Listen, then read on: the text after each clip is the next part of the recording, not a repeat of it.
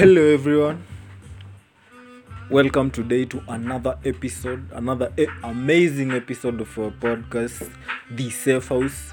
Uh, hapo hivi ndani tunawaletea some educative content, some tips about mental health and uh, everything concerning mental illnesses and uh, venye recoveries na uh, more and more. So before we dive into our amazing topic today, wasenko nao studio watajipiga intro ndo tuendelee hapa studio kuna dida ama ukipenda iano eh, leo tumekamna na topic moja fire eh, hope itawabamba watagwan What's up guys? manzee I hope kila mtu ana feel fiti leo. I hope manzee uko ready to start your day. Uh, hivi kwenye studio pia ni Yulu1. Glad to have you here on another podcast. So, na mi sijajipiga intro ni dilon dilon TV aka z imperfect life coach sawa sawa so uh, our topic today ni about labeling labeling ni nini? Labeling si lebo peke yake stori za adidas nike. There is, yeah, there, is much more to that. There is much more to that than the clothing brands. Yes we love them we appreciate them but so inside the safe house labeling iko na context ingine. Dida uko na any understanding of labeling? Yeah, labeling what is ni- labeling? labeling ni ile ku, kuweka seme kutag msee unampatia tag ya, ya jina ama kitu kaa hiyo most likely imetokana na judgment obvious. Juu kusema ni labeling inaweza kuwa hata most likely ni false. So kama kitu ni uwanga imekujaje kwa akili yako. So maybe mseweza kuwa amejudge msee or something like that. Nice. So, for people of Maju, I know you understand what labeling is. Lab- labeling in, so, in sociological terms. So hapa ni watu wale watu wa soki sasa. Soki ni ile sociology man. Inajiexplain yenyewe. So labeling is the attachment of a diagnosis. So hapa hivi wajua kama mental janitors tuna deal na labeling kutoka side zote, kutoka side ya um, social, maybe biological, psychological. Eh, psychological na more. Eh, na tukiingiza do pia tunaenda hapo kwa luku Eh, so na the most important thing pia ni mental health. So tunaweza define labeling in sociological terms. Uh, labeling is the attachment of a diagnosis of a mental ill- illness to a person who has given a specific diagnostic label.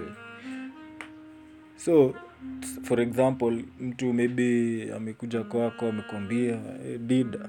Oya. Jo bana jo feel fiti bana. Niko na nashuku niko na mental illness. Uh, ju maybe uh, but unavoi kujifanyia self diagnosis. Awezi jidiagnose with a mental illness. Lazima visit a professional. So from mtu amekwambia hivyo uh, akona hiyo a- a- a- ana feel ako maybe depressed ama stafuka ka hiyo hata kama yuko depressed unapata somebody ana end up kumlabel kama mtu ako mentally ill ama mtu ako depressed. So venye amemlabel hivyo ina high hadi the chances za huyu mtu kuwa depressed even though hakuwa depressed. Kweli kweli kweli kweli. Iliwan kuna any example of somebody who- has been labeled ama according to your understanding? Okay, uh, in my daily encounters kuna label moja yenye naonanga sana sana sana sana. Na hii ni kuita watu crazy hiyo label. Ukishaika hiyo label crazy especially kwa madem madem niweke hiyo stuff. Unakuwa termed as msemo yako dramatic na usually uko uko likely kuact hiyo kabla tiza amesema hapa hivi. Wasa kikulabel mse ako likely kuact ka vile wasa wamekuita. Yeah, so. So kwa hizi types of labeling maybe tunaweza guzia some two types of labeling. Kuna types mbili. Kuna hard labeling na soft labeling. So jo jiuliza hizi hard labeling na soft labeling ni gani sasa watu wa hard labeling ni wale watu wenye wana feel story ya mental illness. Ni vitu zenye hazi exist. For example nilikuwa na interact with one of my friends about stories za mental health. Akaniambia hizo ni ugonjwa za wazungu. So ukipata mtu mwenye ako na a belief system ka hiyo huyo atakulabel vihad, aseme "Hu- dida hu umechizi we are crazy? Hapo ndio yangu labda itaanza. Eh. sasa alafu kuna wale watu wa soft labeling sasa. Gani ya sasa? Wale watu wa soft labeling ni watu wenye wako na an understanding. Wanajua mental illness ni kitu yenye iko. Si ati ni kitu yenye wataignore wana avoid maybe wanajua hii ni kitu ina exist. Even though hata wao labda wako nayo but eh, wana feel maybe watakuwa stigmatized in case wa, wa come up wa come out na stuff ka hiyo. So au ndio masoft labelers eh, wa mambo za labeling. Nani ashailebulia hapa hivi maybe? Sa tuambie staff na ika happen. E, bana tunajua unajua kwenye mi nimetoka nimetoka zile mta za nimesikia siku hizi itu ni shembetenge Aha. kutoka kule kwa mashembetenge zingine kong e, sisi huko watu wa shambetenge unajua uko huko wa sekti ya kwanza unamkanga venye tu umeamka ka umetoka umetokanga kunanga kuunda nywele sijui nini vile tu huko. Hata unajua pia kujipaka mafuta saa ingine uaga si ngori ni watu watu tunasahau si kupenda kwetu. Tukipata tukipata mse tukieka gaala mekweka mafuta tutakuwa tunajipaka. Sasa wasee wa huko huko wasee wa tunabebangwa wezi sana by the way. Na hiyo kitu you happen hadi kikumbuka last sometimes back last year wale mamori wane walimadiwanga wakitengela juu walikoga na madredi na matach. Ati wakamistekiwa kuwa wezi unacheki? Hizo ndo saa vitu tunaongelea saa hii hiyo ni instance moja. Mi pia nishaileboliwa nimeingia kwa ngori. Alafu naamba kwanza vijana naongeaga hivi. Achana na wao. Sitake jua venye ngori iliharibika zaidi. So inafikanga point hadi inabidi. Sasa singejitetea ama ningeka kwa ngori zaidi ama. Mm. as in that's the shit we talking about. Uh, iliona hapo hivi akirepresent maboys wenye tunapiganga luku alafu watu wanaamua kutita fuck boys. Na sisi bana sisi bani ni one eh, wase loyal bana kujipresent vizuri sahii Eh, fiti bana watu wanaku naget sasa hadi mimi ilibidi nimeanza kuwa wacha tu. Kwanza kuwa kuwa lombotov. Kuwa lombotov bana na kuwa hatanga waraba eh. mm? so new, Eh. new language in the airwaves. new language in the air manze people of maju so uh, wa- is loving. Is, means It's loving loving. your girlfriend. Uh, loving your girlfriend or your friends or your mother that's lombotov. So baada ya kusema uh, i love you nasema i lombotov. You na, na kulombotov. Mm, instead of mi amor we say i lombotov you mi amor you get so as so hiyo ndo well the opposite of the latter ni na kuhambatate.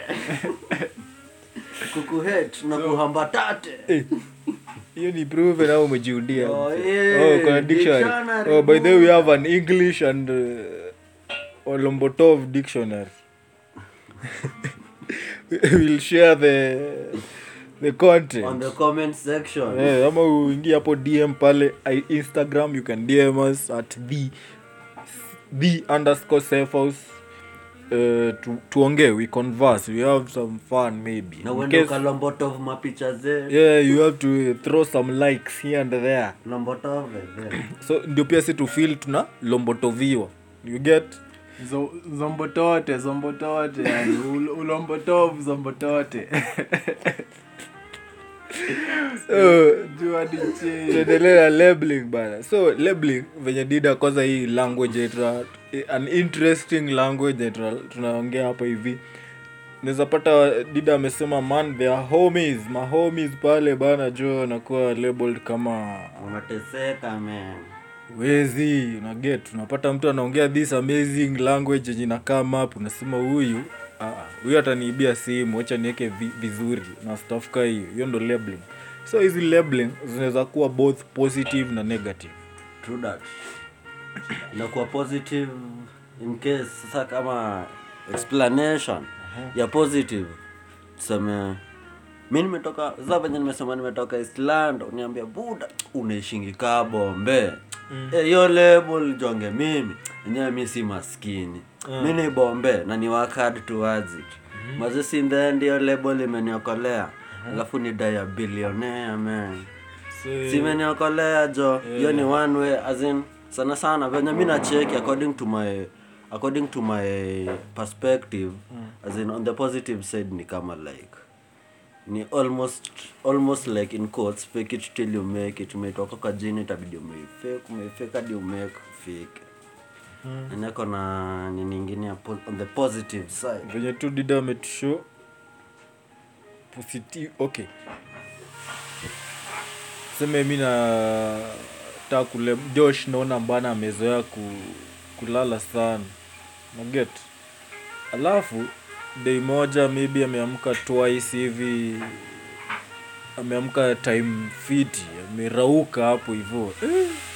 So naweza tumia labeling bado ku, kufanya ku, inaitwa positive reinforcement.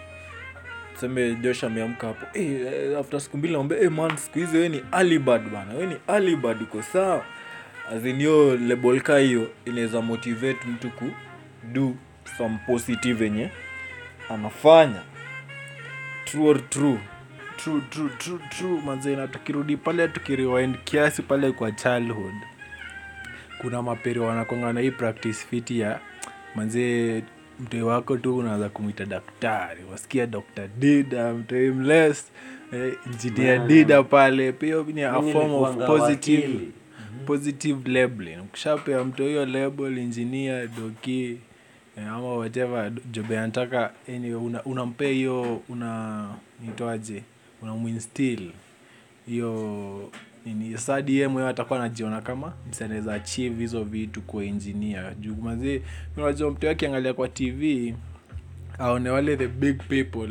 Alafu pia uki, uki through your label unaweza mshow hizo ni mtu unaweza attain pia wewe. So hiyo ni another form of positive labeling on that venye josh amesema we Dylan mi kidogo hapa content ya darasa imenichenga sikuna theory tunasomanga kaa hiyo mse fulani alisemanga ati alichukua watoi. Azinalikuwa dunga experiment ya psychology. Akachukua watoi kadhaa. Mmoja akamweka akamnini akasema wewe utakuwa mode. Bado ni wadogo. Utakuwa mode utakuwa doki. Hivyo venye tu umesema. Alafu unasikia in the end after kupatiwa hizo manini mtoi akigro kijuanga hivo alafu pia na hizo hiyo sei kureinforce pia nini na kufundisha fundishwa as in, in the end hao wali, wali end up na traits kaa hizo saka mwenye alikuwa alikuwa ameleboliwa doki aliend up na traits kaa za doki kuna mwenye alienda up na nini na nini kaa za mode. Tukaa hizo. So hapo hivyo ni another form of hii kwanza ni ya mapero. Kama uko au uko na mkidi huko hivyo inafaa manzee utumie hizi hizi vitu like u- u- take the, utumie the positive side ya labeling ku nini?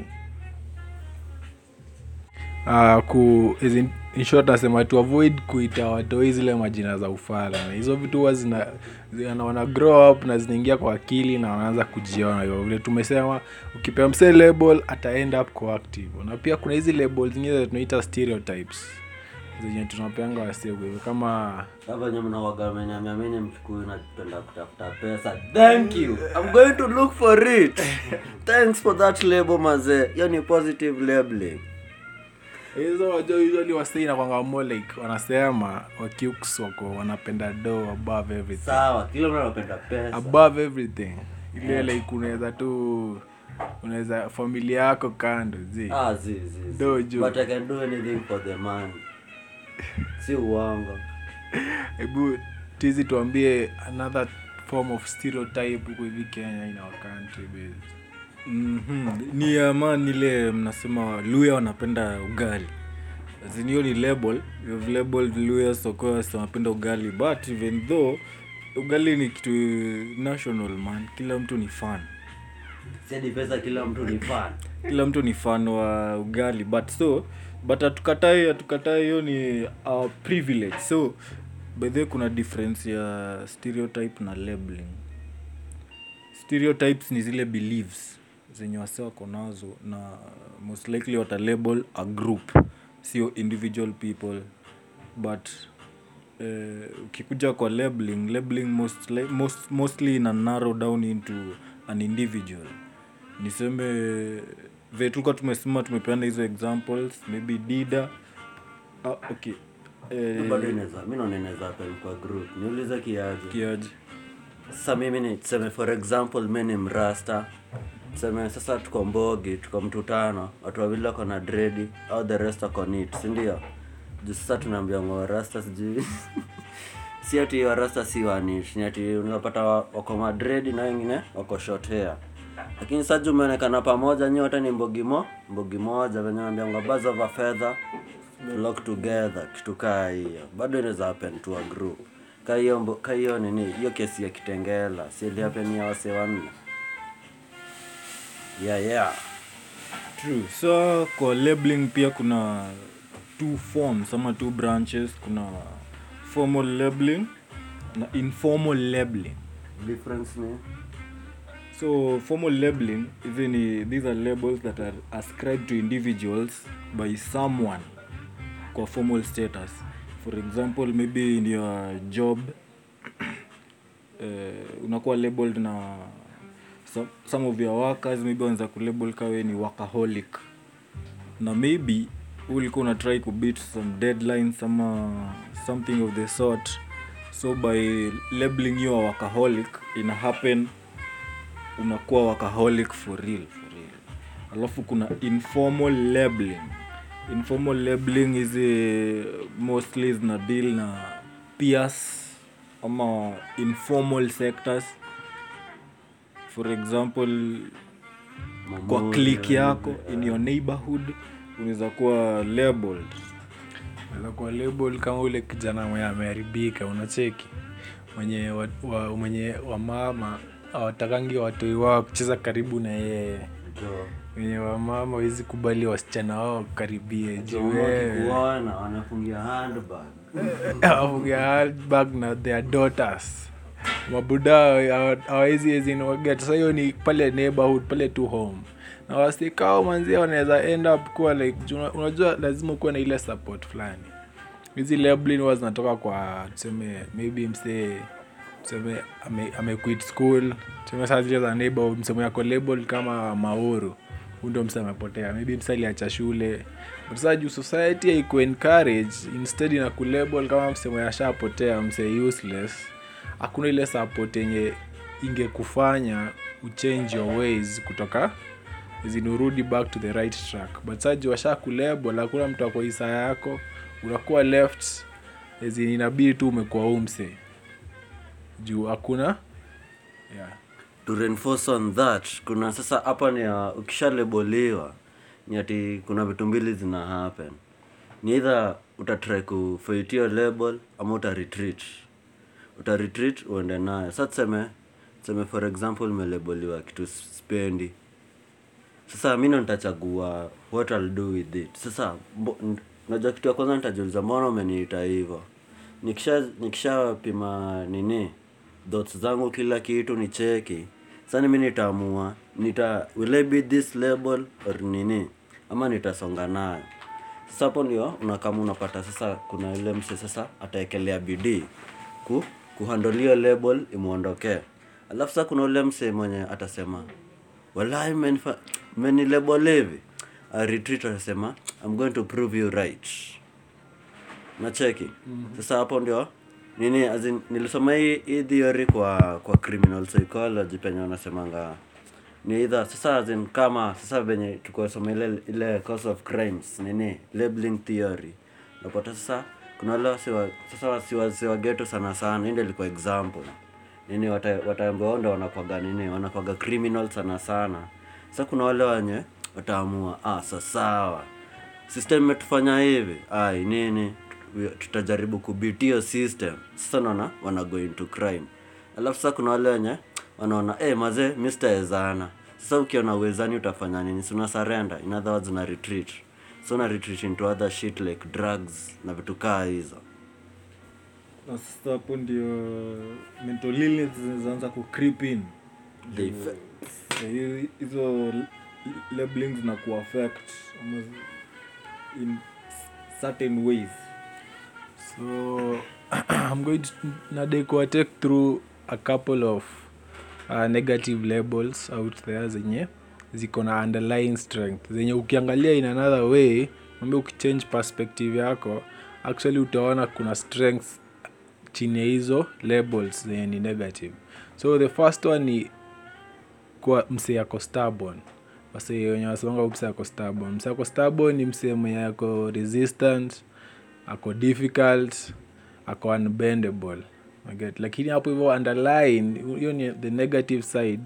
Underline hapo hivyo huu ni msee mwenye ako persistent ako determined na ako unwilling to give up. Uh, ingine hapo ni un, mse uncooperative. Mse uncooperative ni msee mwenye akona ana show signs of disunity as in aendi play well with other people I get. So lakini hapo hapo ndani inaweza kuwa msee ako independent. Hiyo si kitu mbaya. Ama yeye ni self starter hapo tuseme ina, ina more personality. Eh. Uh, ni self starter ama yeye ni ina ako yani ako ina directed. Hahitaji external control kumdirect. Na pia ako self motivated unaona? Underline hiyo negative label kuna some good stuff hapo hivyo. And then uh, ingine hapo msemendi perfectionist. Uh, huu ni msemo anaweza kuwa term days mse ako unrealistic ako na unhappy ako dissatisfied with the vitu zikiwa normal ana prefer perfection. Unless kitu iko flawless uh, hayuko sawa ama msee mwenye ana any mistakes. Get wale wase goody goody perfectionist but so on the positive side uh, perfectionist wanaweza kuwa highly driven and motivated people wako very persistent in problem solving.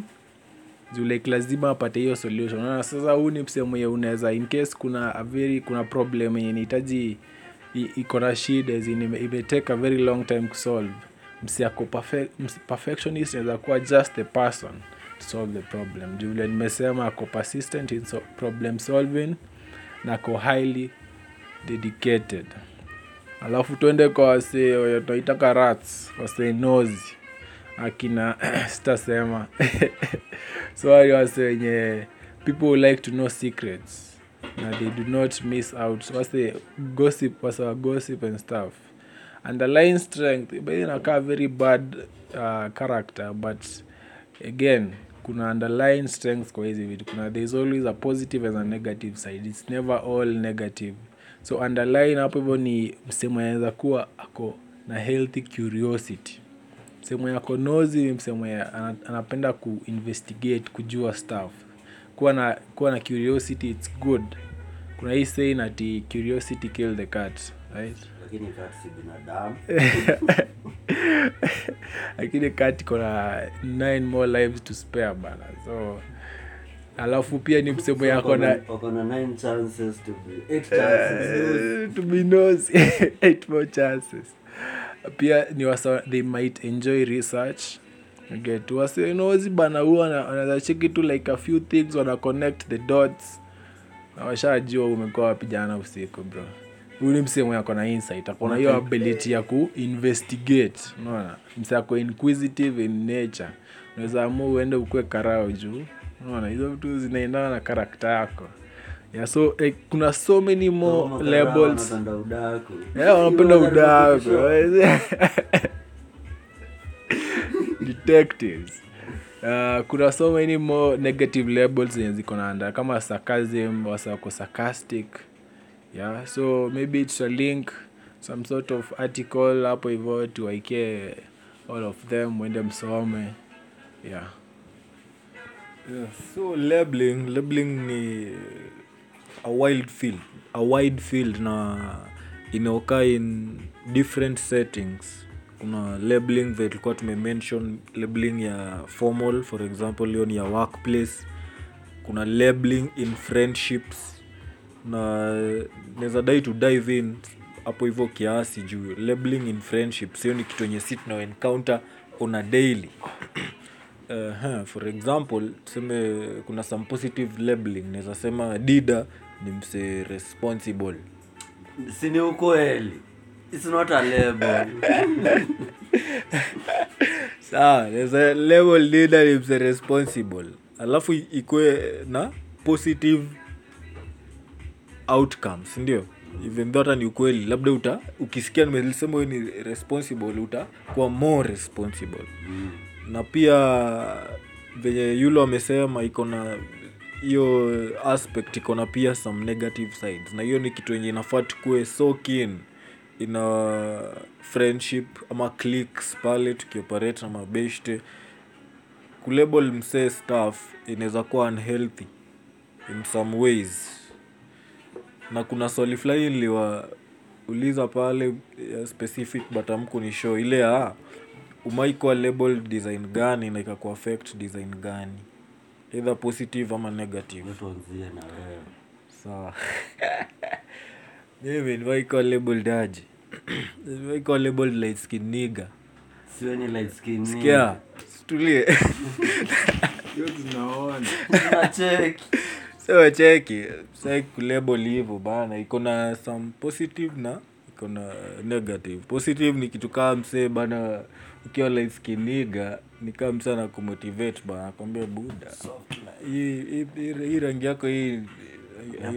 Eh, ni do bana ufai ukaeka hivyo. So hiyo man inanimotivate kujipush. Considering na vitu zingine zenye nakaa natrai try kujipush. Juman pia hiyo soft life bana ni ati mi naipenda. Si ati ni msaminiona naipenda kitu yenye pia mi na desire kuwa nayo. So hiyo ni label moja. Ni- yule. Uh, bana nataka tena nianze kusema vitu zenye zimeniapenia mimi.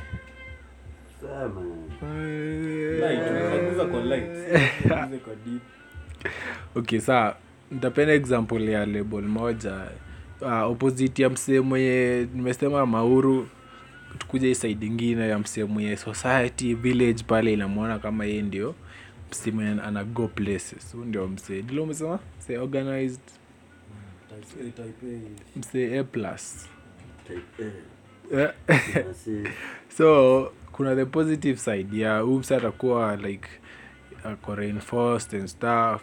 But sasa the negative side ni inaweza bring up inaweza bring pressure. Unaonga sasa wanajipatianga pressure.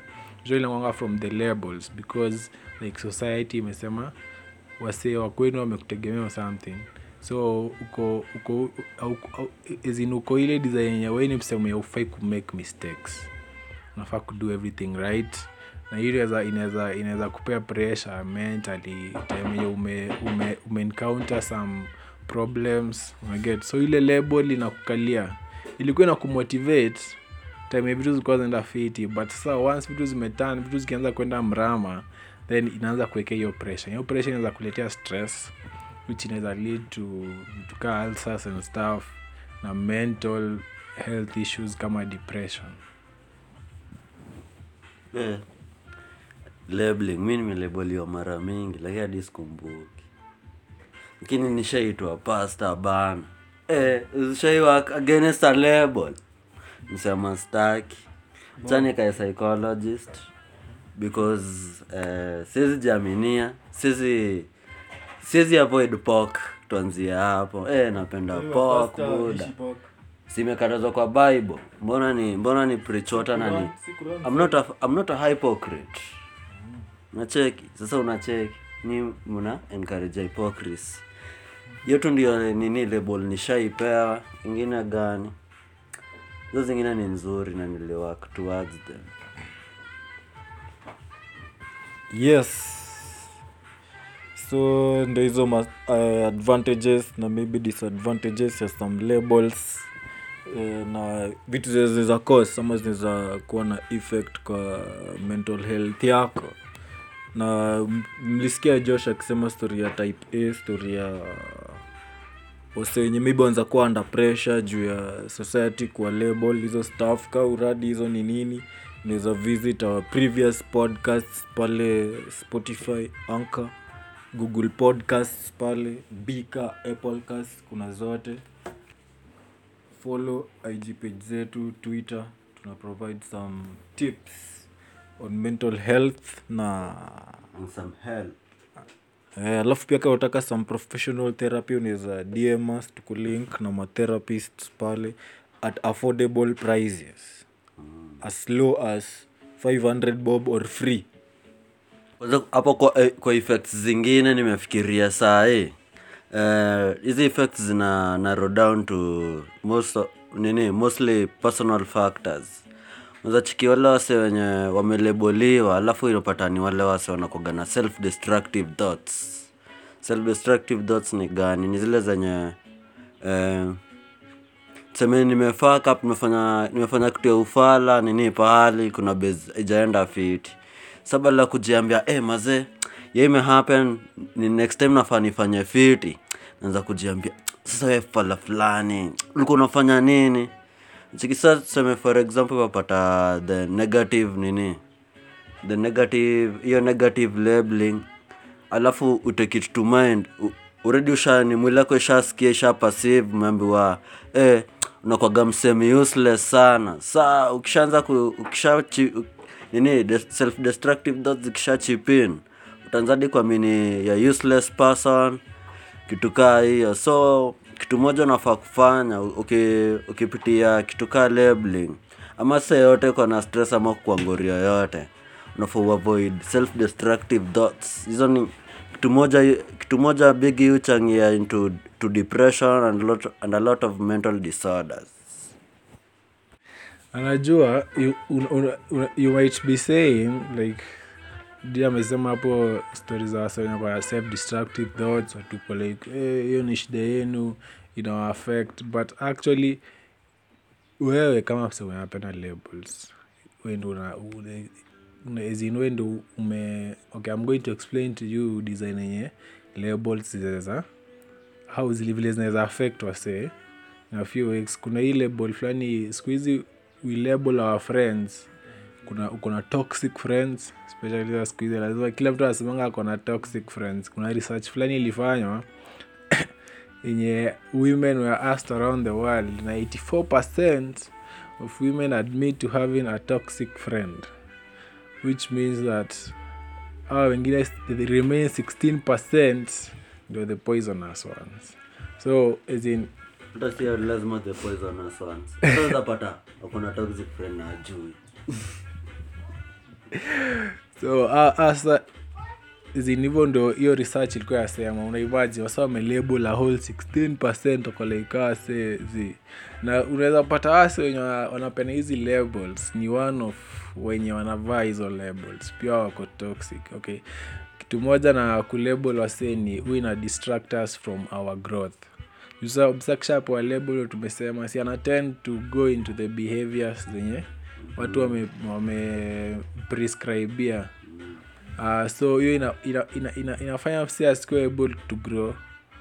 Uh, another thing ni a labeling risks the victim mentality. Vile tumesema uh, ukishasema kitu kwanza ni ukishasema umse ni toxic inamaanisha auko willing kumsaidia change ni kitu moja ubelieve a change. So hiyo ni kitu moja nika- nika umesarenda si lazima.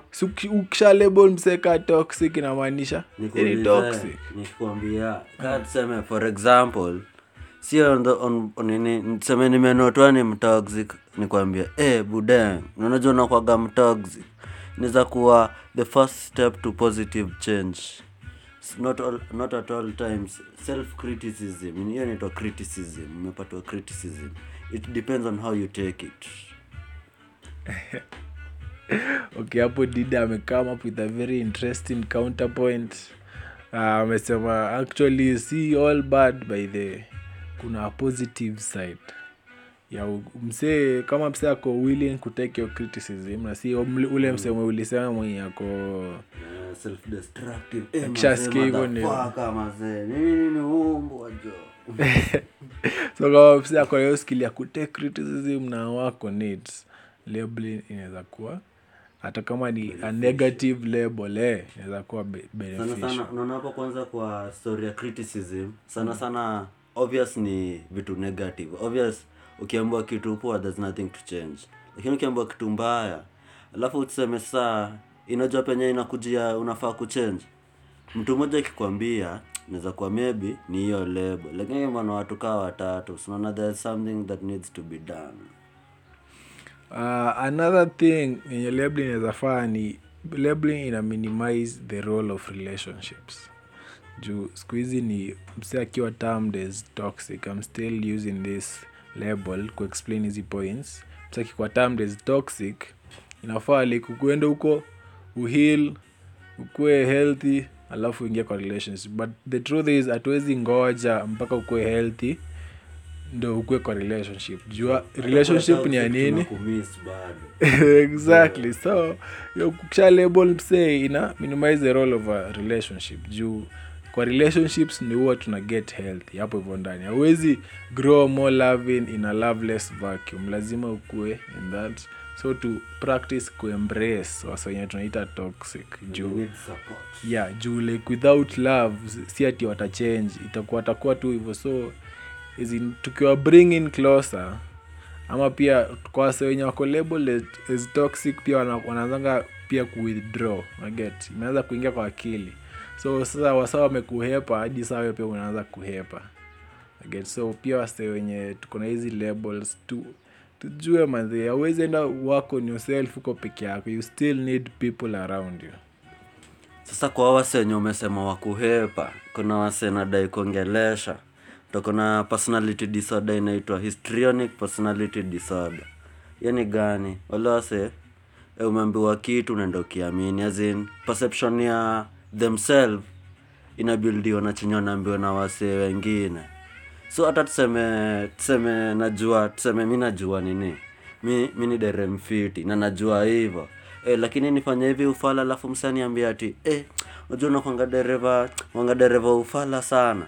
Sasa uanze kuwa unajua yasa ni dereva mfiti lakini uanze kuamini perception ya yourself ianze ku kunini na hii shi tumeambiwa hii story imeambiwa na unaanza kunini so tuseme sasa msee ako na hii personality disorder apitie through labeling. Una, ina, ina get detrimental juu. Sasa huyu mse ata change perception yake iende according to, to what they've been told. So mse unajua obvious ushasikia nini? Umeshasikia kuhusu hiyo personality disorder listener kwa hivyo umesikia kaa unaundanga perce- perce- perception yako on what, you are, on what others tell you ujue somehow kuna histrionic kidogo so ukue, unafaa ukuwe rada kiasi. Unajua hii life ni kujijua unafaa ukuwe rada on nini shitkais za criticism na nini na labeling. Na i think pia tunafaa tu, tu revisit hiyo topic ya criticism. Yeah sa dida ameongelesha wale watu wa wenye wako na histrionic personality disorder. Sa mi nitaongelesha wale wenye wako na ile tendency ya kulabel others tu from afar. So wale watu wa kulabel others from afar uh, one thing yenye unafaa ufanye ni ukuwe aware of your insecurities kwanza. Ukuwe aware of your insecurities na insecurities za watu wengine. Juu for example naweza create a label to somebody based on maybe their physique ama ethnic background ama stuff ka hizo. So ukuwe, aware of insecurity za watu design yenye hauta just throw labels from afar. Juu zinaweza end up kuaffect eh, how vi, your victims. Tulisema inzakuwa positive ama negative. Alafu unafaa pia uconsider why una use that, those labels kwa a watu wenye una umewalabel reason yako ni gani ya kulabel? Just in case maybe ume, ume, ume, hiyo aji ya kulabel sana. Unakuwa una, una considerate. Unakuwa hii label inaweza affect aje huyu mtu my victim. Ka inaweza ka una feel itamuaffect some eh, negatively hiyo ni label yenye ufai kuwa una consider kulabel huyo mtu. Juu pia consideration pia ni kitu yenye unafaa tuweke into consideration uh, unaweza ask more questions about uh, that person mwenye unataka kulabel. Maybe mi nimeona kuna msanii fulani huko hivyo from a distance. Nimem- nimemstudy from hiyo afa hata sijamkaribia. Sijamuuliza mbona hii inafanyika ama kitu kaa hiyo ama kustadi more. Nimeamua tu huu e, msee anakaa hivi nimerushia hapo label. So unaweza ask some questions ku get some more insights. Ama unaweza ongelesha watu na ukeep learning on a daily. Pia unaweza describe behavior na with greater clarity instead of labeling people. So inamaanisha aje? Hawa watu ni people wako deeper than labels. As in si lazima. Si lazima ulabel mtu kitu wenye una feel. Unaweza kuwa clear about eh, hiyo label yenye uh, unatupa hapo hivo. Ukue so ukue clear to this person ama hiyo label una, unawe, una, ni kitu yenye pia anaweza kuwa proud of anaweza jidescribe nayo ama inaweza mpropel maybe to more heights. Alafu pia if you don't like behavior state what change we want to see it. As in ka upendi behavior unataka ikwe ibadilishwe aje. Maybe niko na a friend akona a certain behavior yenye maybe na dislike kama siko comfortable nayo. Na na feel ka niza throw a label hapo hivo. Tu huyu mtu juu akona hii behavior. Of which hiyo label yenye niko about to throw maybe itakuwa ita, itakuwa na some negative effects so maybe unaweza approach huyu mtu mwambie kuna hivi venye huwa si operate kuna venye eh, maybe huwa inifurahishi na kitu ka hiyo. That is ka inaku affect ama hata ka inamuaffect yeye unaweza mfikia hapo hivyo umwambie one or two things ama venye una feel. Hata ikiwa a sensitive topic mazee si ati tunadai ati pia kuna ile time kuna jokes kila time tunachukulia kila kitu seriously bana. Ama aje si hadi naweza kuja hivi nikwambia eh, zingine nikuambia tu kitu lakini ni joke so kichukulia serious na mi season nilikuwa nacheza. Nilikuwa tu mchezo mchezo. So pia tusichukulie kila kitu serious. Lakini pia mwenye pia we mwenye unaongea umind the other person hivyo nami naweza sema na hii honesty about how we feel ni very important cause manzee people are not mind readers. Watu hawajui wanafikiria. Kwanza ikikuja kwa relationships usually kunakuwa na hii tendency yenye na si ati ni mbaya cause sometimes ukipatana na msee unataka tu kuona where things are going to go hivyo tu hiyo ndo mentality yako. Hauna anything definite yenye uko you have in mind but you just want to see where things goes ni fiti kuwa that open minded but again inafaa ukuwe very clear with your intentions. Kuna hii saying fulani inasemanga we owe it to not only ourselves but also to the people or to the other person to be honest about what you want. Very important. Hapo ndio ile staff inaitangwa johari window inakuja. Johari windo ni it's a, it's a square inagawanywa into four equal parts. Kuna kuna the non area kuna blind area kuna non. The other ones kumbuki as in hizo ni parts zako kuna ile base zinajulikana na kila mse hiyo hiyo ni public area hiyo hiyo ni known to everyone. Alafu sasa kuna ile hidden. Kuna ile yenye wewe mwenyewe unajua lakini wase wengine hawajui. Kuna ile base unknown. Unknown sasa ni ile yenye hakuna mse anajua. Wewe mwenyewe na pia wase wengine hawajui. Na kuna ile yenye wase wengine wanajua na we mwenyewe hujui kujihusu. Inaredusiwaje through feedback. Inaweza kuja through this nini inaitwaje hii labeling. Bedha pia labeling najua pia inaweza kuwa jaribu ajaribu kupea feedback ina in somewhat a, sarcastic way. Lakini it depends on how venye tu utachukulia. Nice.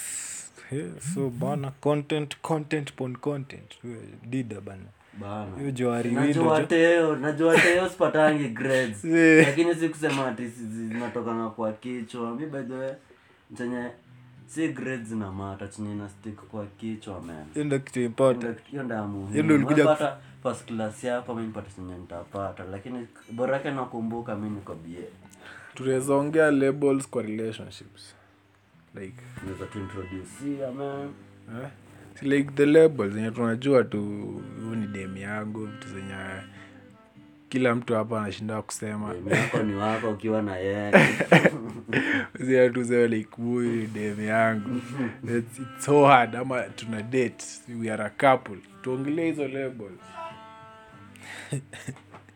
so label acha nitoe from experience. Juu hapa siwezi anza ku kunini ku, ku source from vitu zenye maybe naona social media ama nini.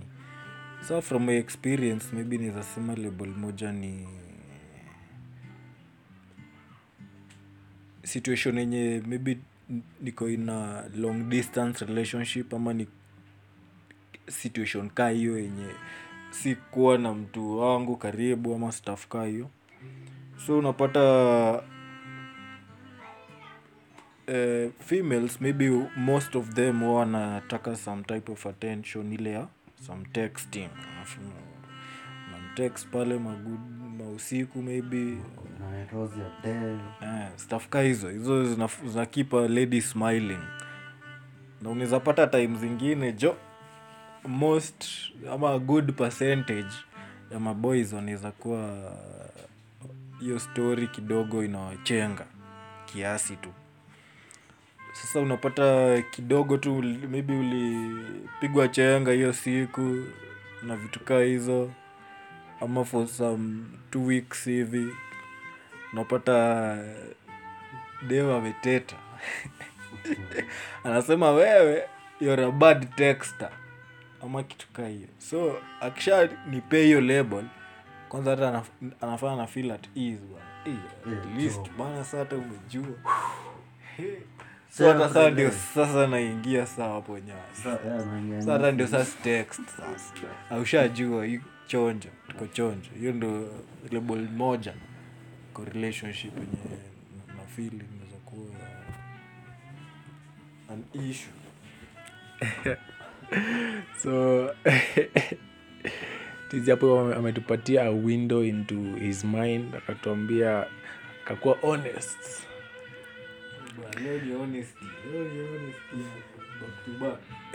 so kwa relationships inakwanga so hard. So hard kuweka hizo labels. Juu tuseme boy meet, meets girl na wameanza kuongea wameanza kwenda dates but mazee mnaogopa kuweka hiyo label ya couple hiyo label ya dating. Juu ujui unajua manzee expectations nakwanga mbaya. Na tumelearn from past experiences kuna kuna nini sijui nando alikuwa asema trauma rings hard. Trauma rings hard. Karibia tu moto hivi unasikianga. Anyway so hizi labels kwa relationships mi semi ni mbaya. Mi am advocating for labels cause vile nimesema inafaa watu wajue what you feel. Juu hiyo kwacho ukiwa ukiwanda what are we? Hiyo inakuwa ndio utakuwa na more stress inakuwa termed is question yenye wanaume wanachukia kabisa what are we?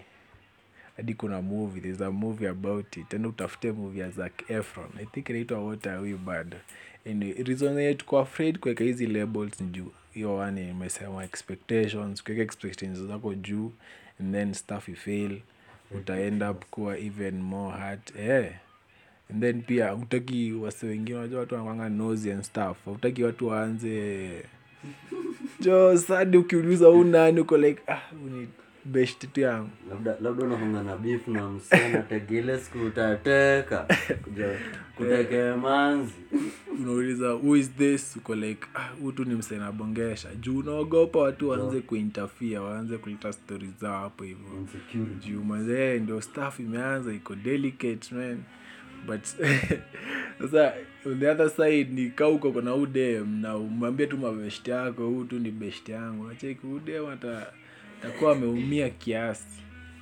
So labels sometimes can be very good because they say as in uncertainty what we want ama what we feel. Inafanya wase wengine wasikue ambiguous. Inatoa hiyo ambiguity kwa relationships.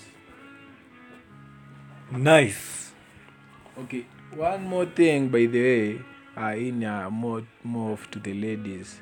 Uki reject msee kitu isipo work out ukiona usianze mbaya mbaya let down people manzee na upole.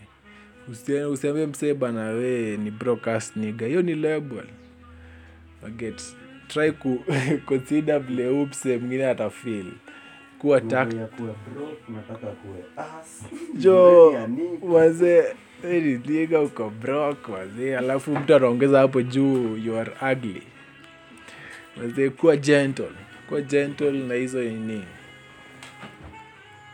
Hmm, so hiyo ni situation ya kwa relationship. Kuna pia labeling ingine yenye inafaa to pay attention to. Hii ni labeling ya kids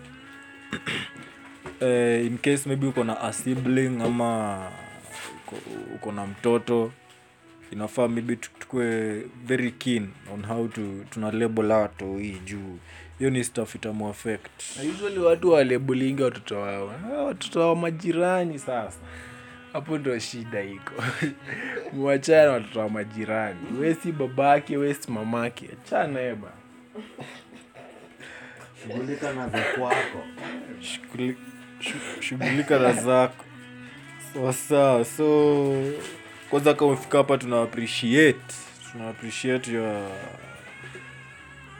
we ni fan man. Tuna we appreciate we love you. Tuna kupenda tunataka ushare content zetu bana to your friends to your family. Tu-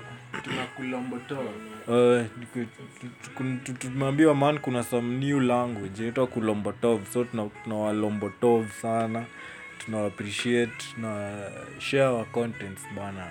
Follow us on instagram twitter na kote kote. Uh, before to wrap it up maybe kaa kuna wase wako na one word to lablers and lables mimi niko na kitu mi niko na kitu kiambatasi ya kusema.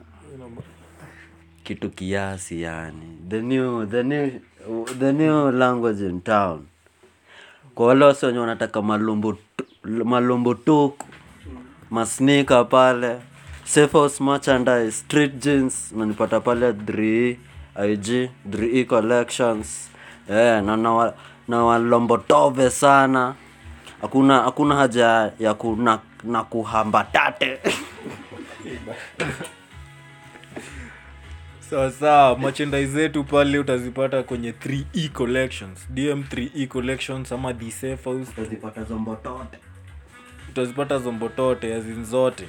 People of majuu man we apologize. You'll get to learn these languages as time goes by. So unaweza pata huko luku zetu. Tisho customized yenye unataka ya the safe house. Na merchandise zote zenye una wish. Pale 3e collections manze thank you.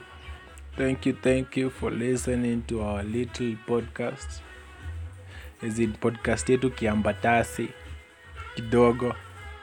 Uh, tunawaappreciate tena manze. Si- sijui how to show our love manze lakini manze tutafind a way tutafind a way.